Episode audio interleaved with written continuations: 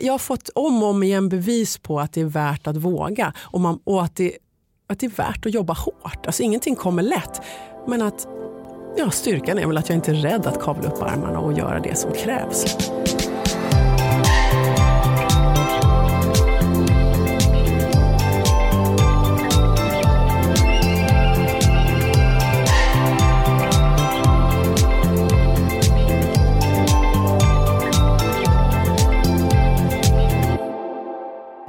Varmt välkommen till det femte avsnittet av Med målet i sikte. Jag heter Charlotte Olsson Bresciani. Och jag heter Lisa Gustafsson. Dagens gäst, Therese Naimé, har verkat i musikbranschen i över 20 år. Efter att ha varit aktiv som etablerad artist i Mellanöstern och USA har hon nu landat i Sverige. Livets upp och nedgångar har stärkt Therese och gett henne kraften att känna att ingenting är omöjligt. Hon är flickan som inte kunde sjunga som en gång öppnade för Simply Red på de stora världsarenorna. Varmt välkommen hit, Therese! Tack så jättemycket. Vi ska kanske nämna också att vi har eh, säsongens yngsta poddgäst med oss idag och det är lilla Lennox som är sex och en halv månad, din Precis. son. Ja, varmt välkommen, Lennox! Ja, tack. Han kommer säkert eh, höra av sig snart framöver. Ja, Han är det på hoppas det vi på. Ja.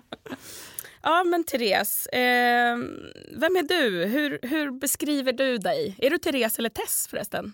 Men jag skulle nog säga att det har lite med att göra olika eh, perioder i livet. Ah. Ja, det kanske låter kryptiskt, men vi kan säga att jag växte upp som Tessan och sen sedermera blev Therese när jag flyttade till USA. Therese. Ah, okay. Men eh, efter att ha landat och kommit hem till Sverige så är jag nog mest Tess. Mm. Så det är lite livsresa kan man säga. Ja. Mm. Så att det är lite kul att folk faktiskt kallar mig vid olika och jag, det är så självklart. Pappa säger alltid Tessan och nya bekantskaper säger Tess. Men det, ja, ja, jag lystrar till alla tre. ja, men det är bra. Det är lite ja. som när de säger Challe till mig. Det Ja. var ju under högstadiet. Ja. Och då var, och när någon fortfarande säger det, då, känner jag, då kommer jag tillbaka i den här regrederar och blir en eh, tonåring igen. Det är lite så, Ja, eller hur? lite härligt. Men är du olika personligheter som Therese och Tess? Och, och, och också är du olika personligheter till exempel som mamma eller på scenen? Nej, men jag tror att, att, att mogna ligger i att man faktiskt får ihop de här personligheterna till en. Så, så, så skulle jag faktiskt sammanfatta det. Och, eh, och också som artist och mamma, att, att inte vara olika personer utan att faktiskt gå in på scenen och vara mamman också. Jag tror att folk känner att det är äkta, att inte sätta på sig en mask. Nu, nu är jag artisten och nu ska jag vara någon annan på scen. Utan jag tror att styrkan som artist och mamma ligger i att, att faktiskt se publiken. Att det handlar inte om mig, det handlar om dem. Att se varenda individ i publiken och få dem att känna sig speciella. Och det är ju samma med barnen. Ja. Att faktiskt se barnen och att det inte handlar om mig utan att ge dem kärlek. där liksom. för ja, dem jag är där för dem. Ja. Det här här och nu. Så att jag, ja, i början tror jag absolut när man lär sig på scen och så att man är en annan person. Men att mognaden har kommit med att få barn och att faktiskt vara samma. Ja, det är väl Mm. en mognadsfråga också där med att knyta ihop alla sina roller och sin personlighet och vem, vem, är, vem är jag? Den Ja, men jag frågan, vem det. är jag? Jag tänker det och att det är en äkthet och Mm. att annars skulle folk se igenom det också. Mm. Att inte ha en mask på scen.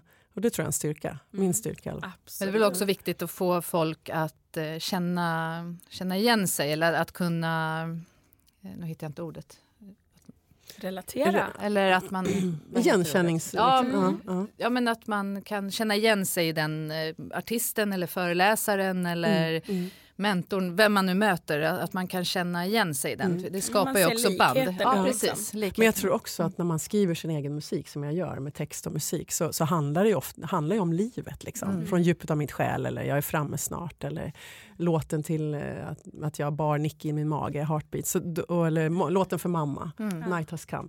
Då, då handlar det ju om att få ihop det. Så Ja. att man är en Mm. och samma person. Ja men Mm. precis, det är verkligen, du är, är ju extremt mycket dig själv och liksom utelämnar verkligen Hoppas din det. personlighet det. i musiken. Så då är det, precis, det, blir ju, det skulle ju kanske se väldigt liksom, falskt ut om man ser att så här, här kommer du som någon helt Sätt på mig plymen. Ja, Ja, precis. Ja. Ja, men för mig funkar Men jag ska säga att det igen handlar om att man har mognat. För när jag, jag bodde i USA i många år och då, då var det nog mer att man skrev låtar som funkar och man satte på sig peruken och li, lite så, på, på Mm. riktigt faktiskt. Mm.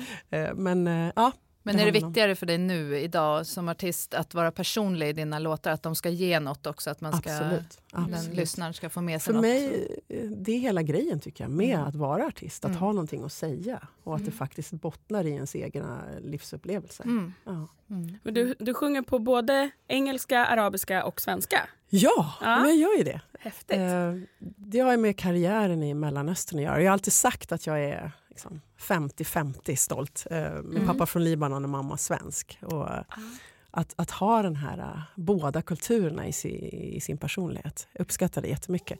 Så arabiskan kommer ju av att ha haft en karriär i Mellanöstern i nio år, eller tio år. Ska jag säga. Ja. Du får fånga upp eh, Charbel som har varit gäst tidigare som du också känner. Mm. Eh, han, säger, han har ju kommit fram till att han är faktiskt 100-100. Han är 100% svensk, 100% eh, Ah. syrian. Så han blir ju 200% i han och Zlatan. Ja, Och Therese Naimera. det kan jag faktiskt tänka mig efter att jag träffat honom. Men det kanske också är 200%. Ja, då. men lite så kanske. Men att ta det bästa ur två världar. Mm. Men ett som är säkert är att det, det ökar förståelsen tycker jag för, Mm. för, för två olika, helt olika samhällen. Och Mm. det är väl också någonting jag tar med mig musiken. Mm. Mm. Men om vi backar lite.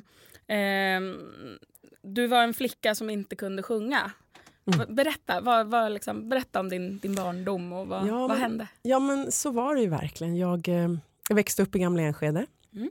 Idyllen där i villa. Pappa, gjorde, pappa libanesen, han gjorde hamburgare och det var högt i tak och han dansade till tonerna och Tom Jones. Och alla ville hänga i vårt hus kan man säga. Det ja. förstår jag. Ja, äh, men det, var, det var häftigt. Men jag, jag förstod ganska tidigt också att vi var ja, men lite annorlunda. Jag hade ju svarta korkskruvar liksom, och som jag stod och drog i varenda morgon för jag ville vara som de andra tjejerna. Jag ville ha så här perfekt Pernilla Wahlgren-hår ni vet som Ah, låg så här som mm. gardiner. Så.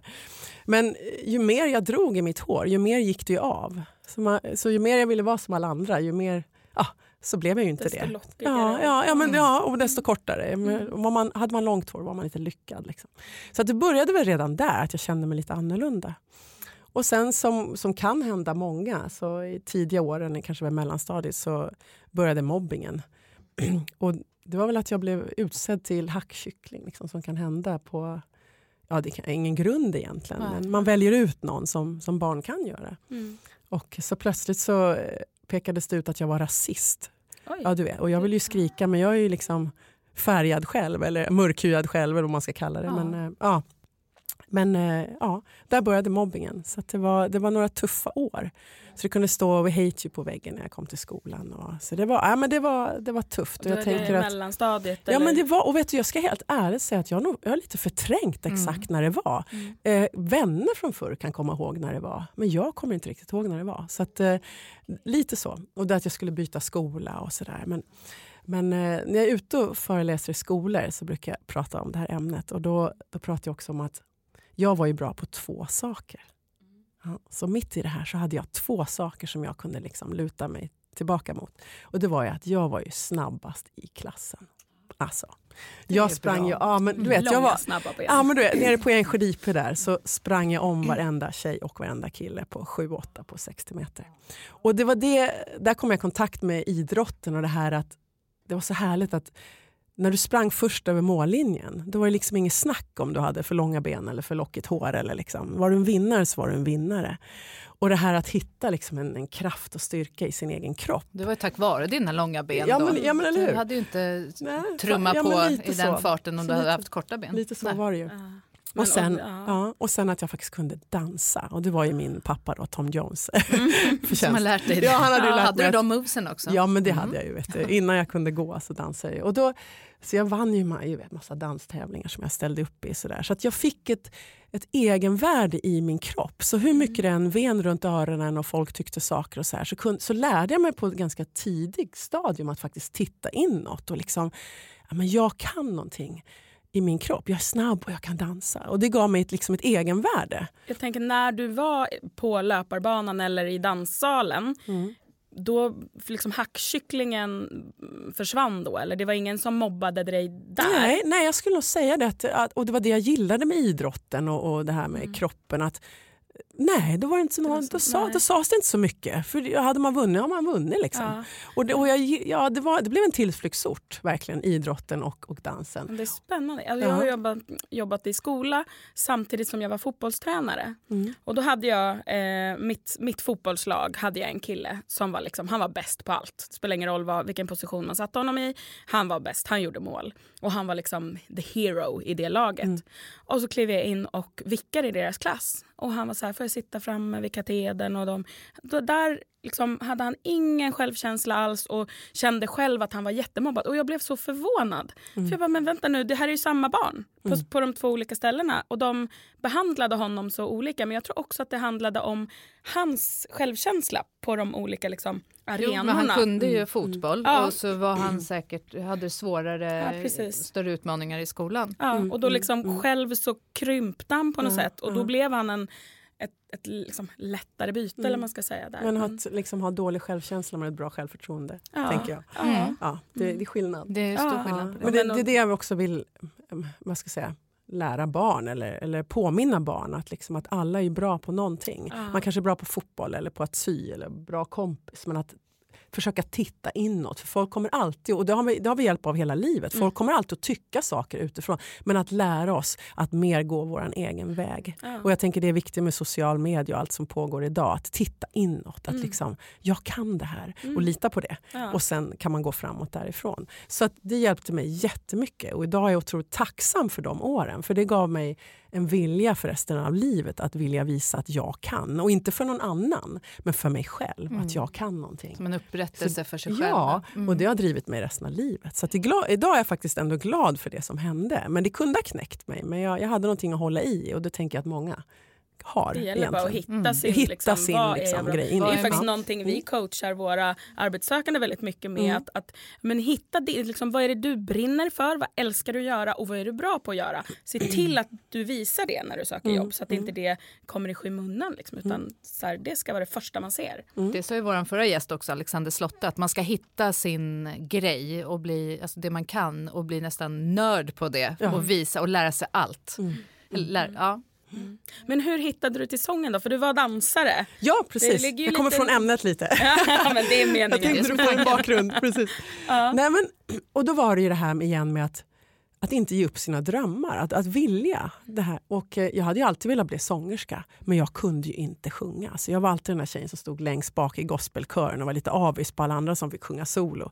Men jag hade liksom inte öronen kan man säga. Jag hade, jag ska säga, jag hade en styrka i rösten, jag hade tajmingen för jag var ju dansare, men jag hade inte öronen. Men du Så jag- ville sjunga Ja, fortfarande men det då? var, du du vet, det var jag kul? stod ju och eh, Mima. Liksom, mima Det till fick jag- eh, Jones. Whitney Houston och ja, Michael Jackson och Madonna. Ja, men ni vet alla de här. Men, men jag fick nog ganska tidigt höra att du kan inte sjunga, för jag sjöng ganska falskt. Så var det ju. När till och med mamma säger att nej men alltså, nu får nog Då hitta är det på illa annat. när Då är det ens illa. mamma Nej, säger men det. Så var det faktiskt. Men det var igen den här viljan. Liksom. Så att jag, efter skolan så fortsatte jag med idrotten och, eh, och dansen. Och den här, som jag sa, viljan att vilja visa att jag kunde något tog mig faktiskt till en elitplats i, i Sverige. På, jag var femma i längdhopp ett tag. Jag var 26 år. Ja. Så att, och sen eh, turnerade jag runt världen som dansare. Så jag blev ju dansare och idrottare. Det blev liksom de två grejerna som, som tog mig vidare. Vad var det för typ av dans?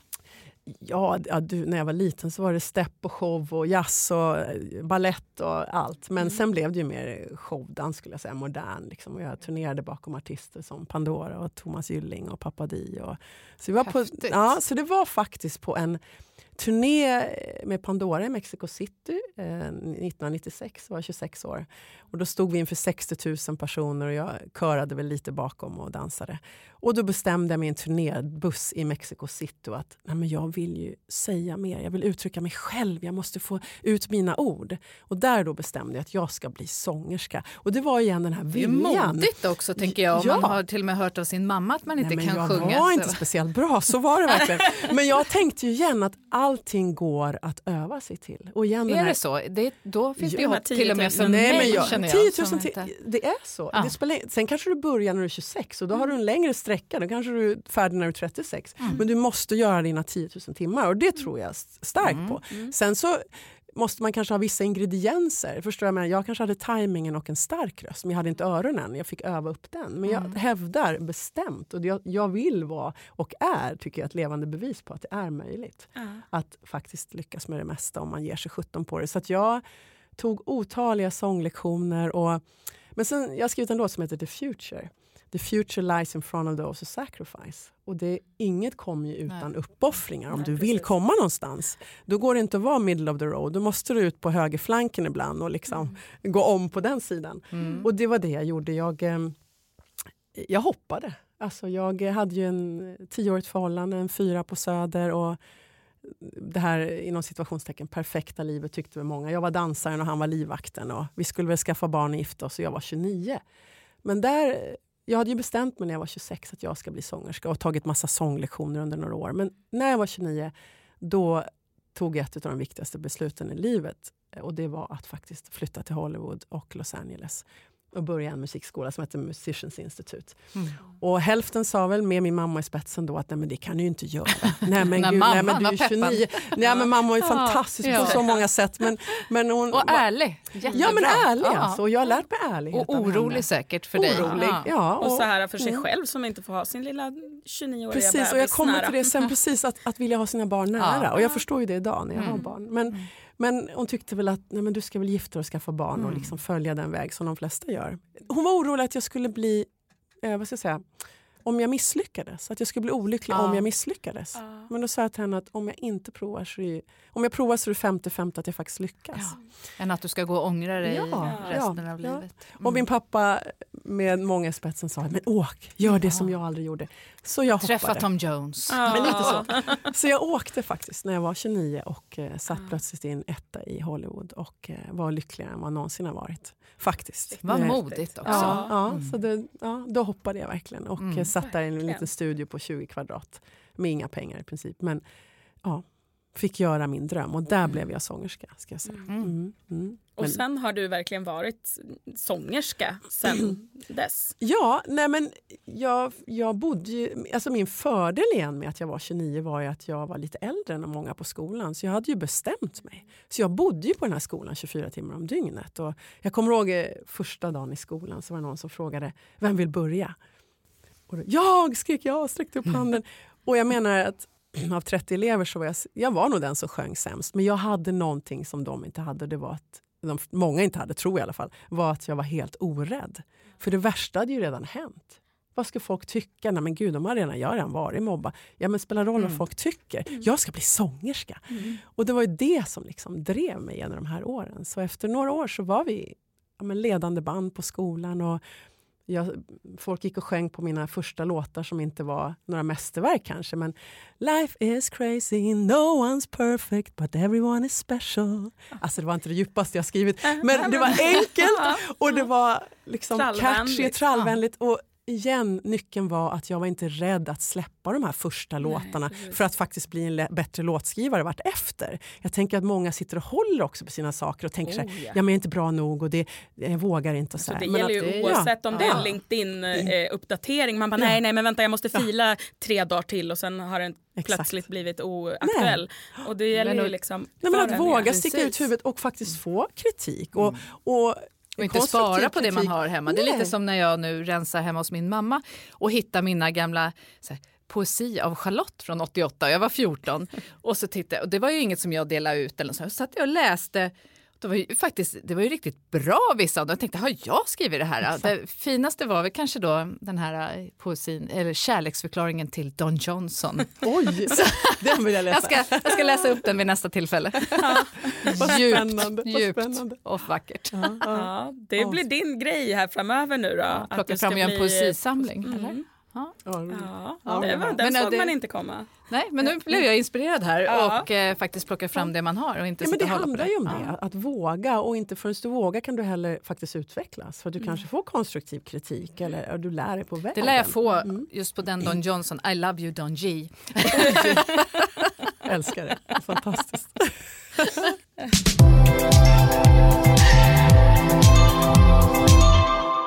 Vad skulle du säga är dina styrkor då, Therese?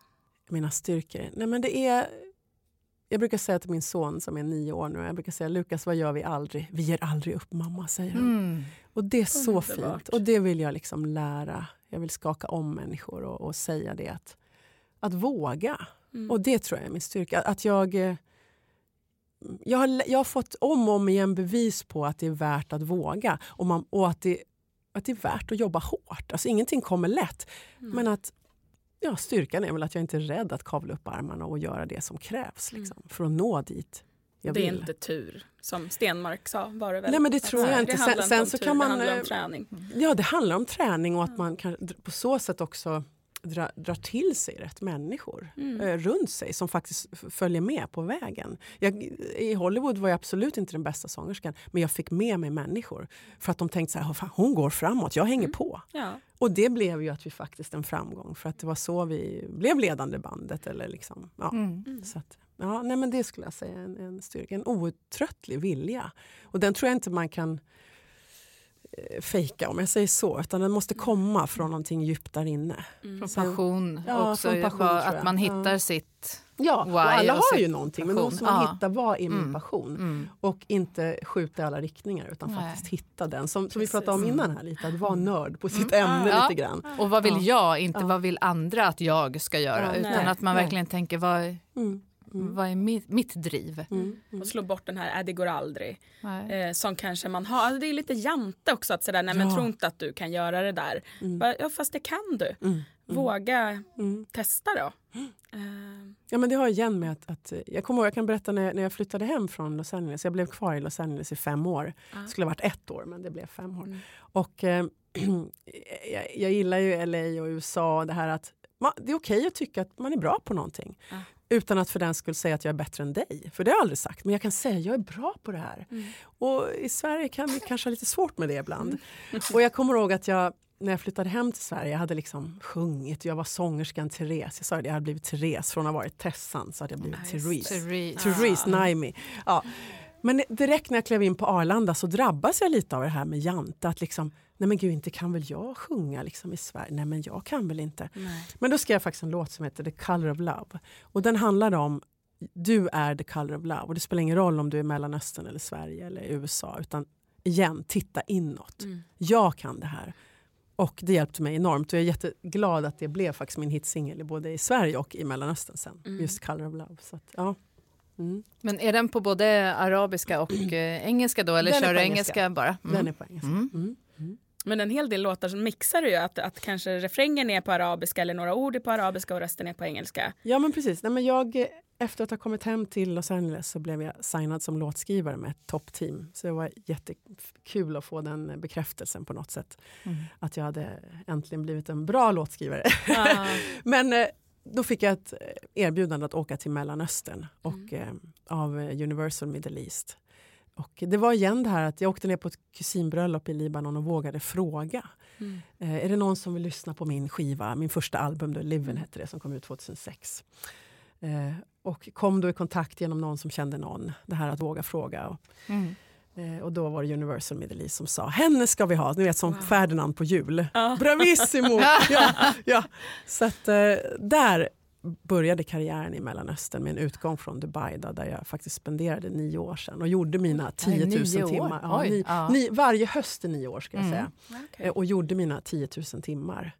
Eh, och, på det, vad jag menar med det är att jag också tog eh, jobb på lyxhotell och Mm. i pianobaren Mm. och körde Ah. fyra gånger 45 minuter varje kväll. Mm. Och liksom, där blev jag nog egentligen sångerskan på riktigt skulle jag säga. Och där började vi blanda in Mellanöstern i produktionerna. Ah, och jag tror att det var det som gjorde att vi stod ut lite mer också och fick eh, mycket hits på radio som jag Mm. är otroligt tacksam för. Så där blandades det arabiska in i. Ja. Ja, den andra halvan av mig. Mm, mm. Jag är så imponerad alltid. Jag sjunger i ett, mm, jag brukar kalla det fake band. Um, och vi sjunger ju lite sådär, vi bjuder in oss själva på olika tillställningar, bland annat på jobbets julfest och sånt där. Uh, men jag är, jag vågar ju inte tro på att jag kan texten. Det kan vara en låt som jag kan utan till i bilen alla dagar i veckan. Mm. Men när jag står där på scenen då, måste, då tittar jag på texten. Så, och jag, kan, jag, blir så här imponerad av, alla artister som bara liksom kan sjunga vilken låt som helst helt utan till. Mm. Men det handlar väl också om att bara så här, fast nu kan du den, du får inte kolla. Du kan den, sjung bara. Det handlar om att utmana dig själv och ta Ja. bort den där texten. Ja. Och sen kanske du gör fel några gånger men Ja. det gör Nej ingenting. det märker ju ingen om Det- jag bara sjunger nej, vidare lite. Det är just det. Ja. Men det, du har ju haft en jättelång eh, karriär nu och du har vågat och slängt in i massa saker och hoppat och offrat och vågat satsa. Vad har varit tuffast om man säger från, eh, om man börjar där ner från, från Ja. barndomen och, och framåt? Nej, men det var ju som jag nämnde de här första åren i skolan. De var ju egentligen tuffast. Men jag skulle inte vilja byta ut dem idag. Nej. För att mitt liv ser ut som det gör idag på grund av de åren. Och jag tycker att det är på ett positivt sätt. För att jag har vågat ta för mig sen dess. Sen skulle jag nämna också det här att, att förlora någon. Och Det är ingenting som jag önskar någon. Och det var när jag hade varit i Los Angeles i var ja, ungefär två år. Då kom det där samtalet som ingen vill ha. Och de ringde från Sverige och sa att eh, din mamma är sjuk, du måste komma hem. Ja, och eh, jag är glad att jag ändå förstod allvaret så, även om inte inte var uttalat så. Men jag åkte hem nästan på en gång. Och vi fick bara två veckor på sjukhuset innan mamma gick bort. Så det var ja, fruktansvärt såklart. Jag kommer ihåg att hon, jag låg på hennes bröst och så eh, flätade hon mitt hår. Som hon hade gjort när jag var liten. Och så pratade vi om livet. Och eh, hon sa några saker som jag liksom har med mig varje dag. Och hon sa bland annat att eh, om jag bara fick sitta en dag till vid köksbordet och äta köttbullar med dig och din bror och din pappa. Åh, vad fint. Ja, och bara en dag till. Och jag tänker att det sätter liksom perspektiv på Det livet. visar ju vad, vad är Ja. livet. Det är Men det som är livet. Dag, om, om, Ja. vi liksom, om vi inte har en dag till, vad har vi då? Mm. Och, och jag tänker att, jag pratade om det i föreläsningen också, att när, när saker känns, du vet, man kanske får sparken eller man har en dålig dag eller någon är liksom sjuk hemma eller man bråkar med barnen. Eller, Mm. Då tänker jag alltid på mammas ord och det är nästan dagligen att Mm. men jag får ha en dag till. Ja. Jag har ingen limit på mitt liv som jag vet om i alla fall. Nej. Och, och, och jag kan förändra, jag kan, jag kan ringa det där samtalet imorgon, jag kan bli sams med den eller jag kan skaffa ett nytt jobb eller, för att jag har en dag till. Mm. Och det sätter allt i perspektiv liksom, om man inte har det. Hur länge sedan var det här då? då? Nej, det är nu 2001. Så det är Mm. 18 det är år 18 sedan. år sedan. Mm. Men det känns som igår fortfarande. Och stora sorgen är att hon inte har fått träffa mina barn. Men eh, jag, jag tänker ofta och nästan varje dag att Jo, hon sa också på sjukhuset, jag är så orolig att du ska missa racet för att du, Ja. du jagar din dröm så hårt. Klockan tänker hon ja, då. ja. Ja. Så jag vill ju säga till henne att jag missade inte racet och idag har jag tre små änglar. Men jag, jag är säker på att hon vet är med. säkert. Hon är med. Ja. Hon är med och hjälper oss.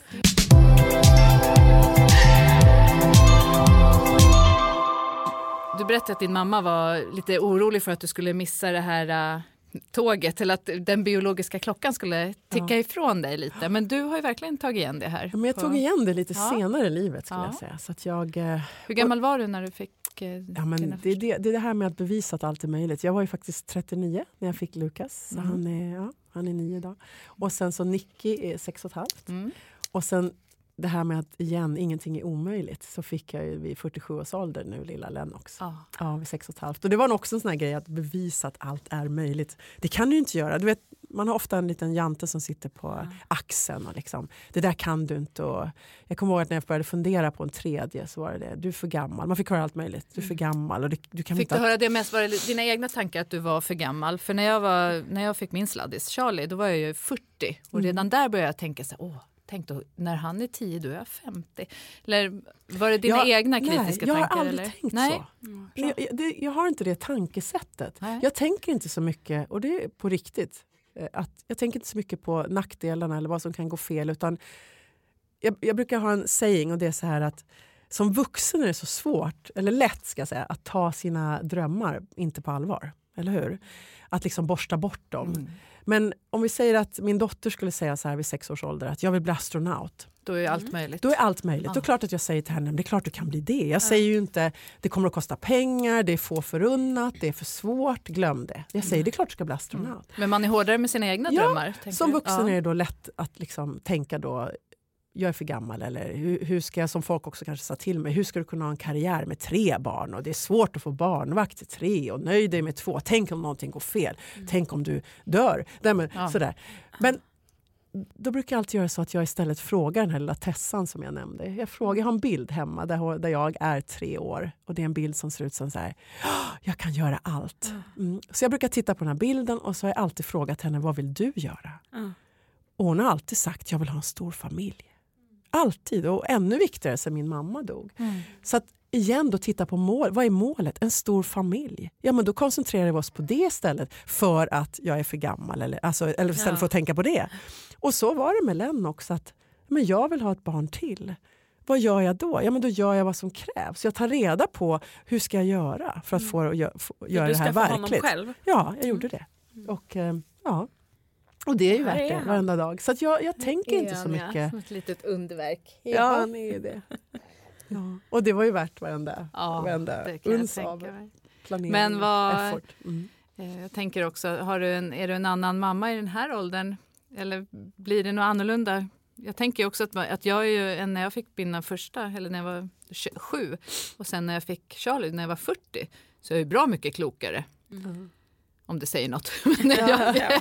Nej, men I och med att jag fick har fått alla tre när jag har varit lite äldre mm. så var jag vid 39 års ålder också mm. liksom ganska redo och mogen och det var otroligt Modig. efterlängtat. Liksom. Mm. Så att, nej, jag skulle säga att jag njuter av det lika mycket. Ja. Och jag, så jag är glad ändå att jag ja. har har varit äldre. För att jag hade, hade jag fått barn när jag var 30 då var jag mitt i Los Angeles och full av mig själv ja. mer. Men ja. nu har jag landat. Ja. Så att eh, jag njuter verkligen till fullo. Och det är också någonting som jag vill, jag vill skaka om kvinnor och män också. Men att säga att liksom, vänta inte. Kör! Man ångrar bara det man inte gör. Ja, ja. det där är min underrubrik ja, till hela mitt liv. Ja, man ångrar bara det man inte gör.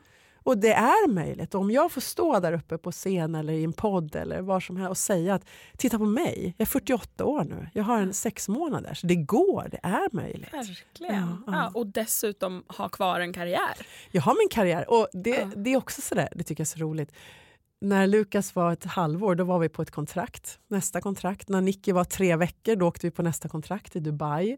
Eh, Lennox är idag med mig på det mesta, runt som jag är runt och föreläser med honom på armen. Och igen det här att visa den här viljan att allt är möjligt. Så de är med mig på det mesta mm. runt världen. och, och sådär. Så att, Någonting som jag är otroligt stolt över det var att jag hamnade på Arabian Woman-magasinet på, på framsidan som en förebild för arabiska kvinnor. Att det är möjligt att faktiskt ha en karriär och skaffa barn själv. Och det var revolutionerande tänker jag i den världen. Men att, eh, så det är någonting som jag är otroligt stolt över om jag får gå i täten för det. Att ja. våga och att våga hoppa. Mm. Och man, är bara, man kan bara skapa sin egen lycka. Mm. Och att inte lägga över på någon annan. kanske från, du vet, att Jag fick inte ett barn till för att jag inte hade rätt förhållande eller jag träffade inte rätt man. Jag träffar så många kvinnor som eller män också, som väntar på den rätta. Och Det kan komma senare, men ett barn kan bara, bara komma nu. Det sitter bara massa skelett på en bänk. Ja. De sitter och väntar på ja. den Nej. rätta mannen. Ja. ja, så känner jag. Mm. Ja. men och att man ska lite göra det som man själv kan påverka. Att man ja. inte bara, nej men de här yttre omständigheterna gör så att, så att jag inte kan komma dit jag vill. Mm. Men att istället fokusera på vad kan jag göra för att komma dit jag vill och så jobbar man stenhårt sätt på ett, det. Sätt ett mål. Ja. Fråga dig själv vad vill mm. jag innerst inne, även om det blir att vara astronaut eller vad det nu kan vara. Ja. Skaffa barn eller sätt ett mål och ta små steg i den mm. riktningen. Mm. Ett steg varje dag. Mm. Det kan bli överväldigande om, är... om, man ser det, hela bilden. Precis. Men om du tar ett steg varje dag, vad ska jag göra för att nå det här målet? Alternativet är att inte göra det och det tycker jag är mycket sämre. Att sitta och vänta, för mm. tiden går i alla fall. Men ett, ett annat mål kanske handlar om din nya singel? För den, är den släppt eller ska den släppas? Ja, men det är jättespännande. Vad kul att du frågar just det. jo, den släpps i eh, jag tror första veckan i maj. Ah, mm. Så det är nära. Vad heter den? Den heter Shine On like a star. Uh, uh, Snyggt. Uh. Ja, det gör du. För oss som ser dig här så tycker jag att du, du fortsätter att skina som en stjärna. Eller hur? Ja. Vad är, är, planen för den då? Eller vad är målsättningen? Ja, nej men det är ett vi kallar det multikulti-projekt. Det är jag och Dogge Doggelito. Jaha. Ja, och eh, Dilyar, en, en kurdisk artist. Ah. Så att vi möttes faktiskt på en, en mångfaldsfestival Mhm. mm, i Märsta och beslutade där att göra ett samarbete. Och jag tycker det är så spännande med den här mixen Ja. där jag sjunger på engelska och eh, Dilyar han sjunger på kurdiska. Och, och Dogge, Dogge rappar rappar. faktiskt för första gången på engelska vad jag Jaha. förstår. Ja, så, och den, den, den handlar ju om då att du eh, Everybody wants to rule your mind but I'm gonna shine on like a star. Så den handlar mycket om att, liksom, att eh, social media och samhället och, ja, försöker tala om för dig vad du ska tycka och tänka. Ja. Men att försök tänka själv Ja. och, och, och då kommer du att skina bäst som en stjärna om du faktiskt går din egen väg. Ja. Ja, så det, och den, den känns väldigt i tiden och spännande att få samarbeta med de här två jätteduktiga artisterna också. Och Så att, verkligen eh, som du, tycker jag. Ja, på något ja, sätt. ja men tack. Tack Ja. så mycket. Ja, men om man lyssnar på din liksom, historia så är det lite så att ja, ja, andra har kommit in och tyckt eller ja, sådär, man borde och, Mm. men du bara äh, jag tänker göra så här, jag tänker bara Ja. Men jag tänker, on. jag tänker att ehm, det var också en sån, jag brukar säga det, sometimes you just have to show up. Ja. Och det var en sån faktiskt, den här uh, multikultifestivalen där, att det var mycket som låg i vägen och egentligen passade det inte just då. Och så där. Men jag hade en känsla av att jag måste dit. Och så har det varit Ja. många gånger i livet tycker jag. Ja. Och där träffade jag ju faktiskt både Dilyar och Dogge. så Och det här samarbetet kom till och nu känns det som det mest naturliga i världen. Att vi klart vi ska släppa den här låten och prata om att vi, det finns inget vi och dem, det finns bara ett vi och att vi alla hör ihop. Och därför Mm. känns den här låten så spännande att få göra. Ja, Så det är både. Dilyar sjunger på, på kurdiska då, så det är jättespännande och sen ja, engelska Ja. och, och Dogge på engelsk rap. Bra att du showade upp helt Ja men enkelt. tack, Ja. eller hur? Det tror jag att, man, att det är något man ska ta med sig. Att Ibland känns det som att säga, nej men vad ska det där ge mig eller varför ska jag gå dit? Ja, men man vet inte från början för att det kanske faktiskt leder till liksom det som förändrar hela ditt liv. Alltså det kanske, du kanske träffar din, din nya partner eller din nya chef eller det, vad det än må vara. Liksom, du tar det största steget mot ditt mål genom att bara möta just den här personen. Jag tänker att om, om någonting ham, hamnar på ens bord Mm. i mejlen eller liksom du kom, då har det hamnat där for a reason. Mm. Och att man då ska köra på det. Och det är det jag Lite, tänker. lite Ja. så. Alltså, du Mm. hamnade ju på, på, här i våran podd lite på, den, på det sättet. För att jag åkte tunnelbana och stod lite så inträngd och sen så kliver det på en lång vacker kvinna med en barnvagn och alla som stod bredvid den här barnvagnen de tittade ner och log så vänligt mot den här söta bebisen men jag såg ju inte bebisen, jag såg bara den långa vackra kvinnan. Och sen två dagar senare så, så är jag på en föreläsning där vi ombeds att vända oss till den bredvid eh, och prata om mål eller ja, vad vi så. Så jag vänder mig om och får syn på den här långa vackra kvinnan som då är du, Therese. Du är så snäll. Så jag så nej men, och lite sådär vild som jag är sa jag då att ja, men vet du jag såg dig i förrgår på tunnelbanan, visst åkte du tunnelbana då och då? Och du var såhär ja, det var ju tur då att inte du liksom tog mig för en stalker och sen sprang här världens väg. Men jag har lite, Det ju lite så. För, ja, jag har en viss sån här att jag känner igen ansikten nästan lite för väl ibland. Eh, men så då, vi pratade ju bara liksom lite grann av vad vi förväntningar på den här dagen och sen var det inte mer med det. Men sen så hade vi, du hade ett möte med en gemensam vän till oss Mm. eh, och vi bara liksom stötte på varandra på, på vårt kontor och då var det så här, nej men där är du igen. Ja, ja. Så då blev det på något vis att men, det här är ju menat. Ja, livet är vi- häftigt. Jag Ja. tänker att det mesta är menat om man bara ser det. Mm. Jag tänker så. Sen kan man välja att tänka att det är en slump men jag väljer ofta att tänka att det är någon mening och det har tagit mig till många stora beslut i livet som har lett till eh, life changing. Liksom. Så är det ju. Jag, tänk, jag kan dra bara ett exempel på det och det var när jag eh, hamnade ändå i Mellanöstern i nio år och det var där jag fick en karriär, liksom, en Mm. riktig karriär. Och det var för att jag det är lite roligt. Jag gjorde koreografi till WhatsApp och WhatsApp var en grupp där Erik Sade och Robin Stjernberg bland annat ingick. Jaha. Så jag gjorde koreografier till dem och hamnade då på en mailinglista egentligen. Eh, och sen kom det ut ett mail i den här, det var ett skivbolag på deras mailinglista. Ja. Och sen så var det en, en eh, skivbolagsdir- nej, ett hotelldirektör i Dubai som sökte en artist till deras hotell. Och jag hamnade på mailinglistan. Ja. Och, han, och därför fick jag det här mejlet att de sökte en artist. Och jag tänkte först att nej, men jag kan väl inte åka fyra, fem månader till Dubai. Liksom. Jag har ju pojkvän och hund och nej men det går ju inte. Men sen så fick jag en sån här, eh, vad ska man säga, jag stod på, ett hotell, eh, på hotellet och jobbade den kvällen och så bara, men det är ju mitt gig. Jag ska ju åka. En, jag måste ju åka. Och då hade det hamnat, tänker jag, på mitt bord. Ja. Och jag åkte och det var början på min karriär. Förutom Ja. att jag hade då fått ett skivkontrakt med Universal. Men det var ändå liksom början att jag kunde var vara där så många månader om året som gjorde Ja. att jag fick en karriär. Och det, hade Och jag inte gjort liksom- den här koreografin till Whatsapp hade jag aldrig hamnat på den mejllistan. Jag hade aldrig Nej. hamnat i Dubai i nio år. Så ja, Och hade inte du varit en sån person som bara hoppar vilt rakt ut så hade du tänkt aha fast den här var inte till mig för jag är ju här som koreograf och inte sångerska Exakt. på den här mailinglistan. Men du, ja. Du tänker så här, man ångrar bara det man inte gör och sa ja tack. exakt. Underbart. Ja. Men ska vi be att få några bästa tips då? då? När man står här och, och kanske in, är lite för påverkad av Jante eller tänker att man inte riktigt kan. Har, du- har du några, liksom, vad, vad, är, vad, vill du, vad vill du säga till våra lyssnare? Men jag tänker igen att lyssna på din inre röst. Det kanske låter jättefånigt, men, men verkligen. Att inga mål är för, för svåra eller för stora. För igen, vad är alternativet? Att du kommer att sitta och ångra dig. Så bry dig inte om så mycket vad folk tycker utan gå på det som ni verkligen brinner för. Och allting är ju möjligt. Ah. Ja, men det är det. Titta på mig. Ja, ja men Nej, verkligen. Ja, det skulle jag säga. Att våga leva idag. Tack snälla Tess. Tack för att jag, precis Tess. Tack för att jag fick vara med. Det var en ära att vara med i er podd. Tack för att du tog med Len också. också Ja. så vi fick lite Kommer jag få tillbaka honom nu? eller Det är tveksamt. Det se. Och Charlotte Kan kanske behöver jag- skaffa en fyra. Jag tror det. Ja. Tusen, Tack snälla. tusen tack för att jag fick komma.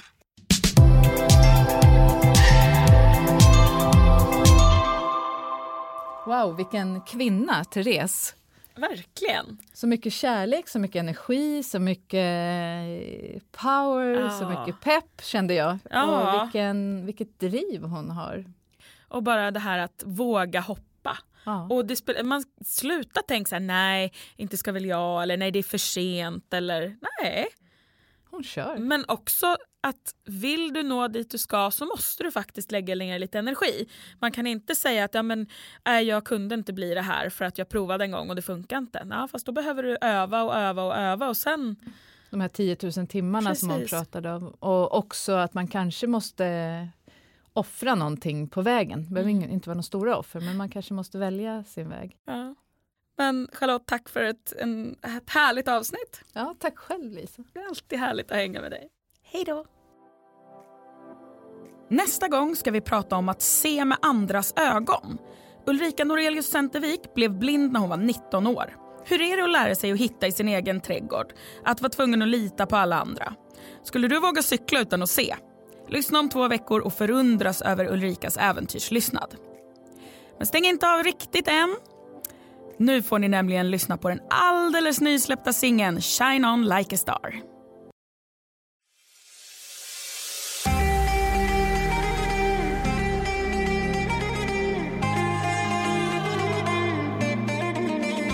You're not fun.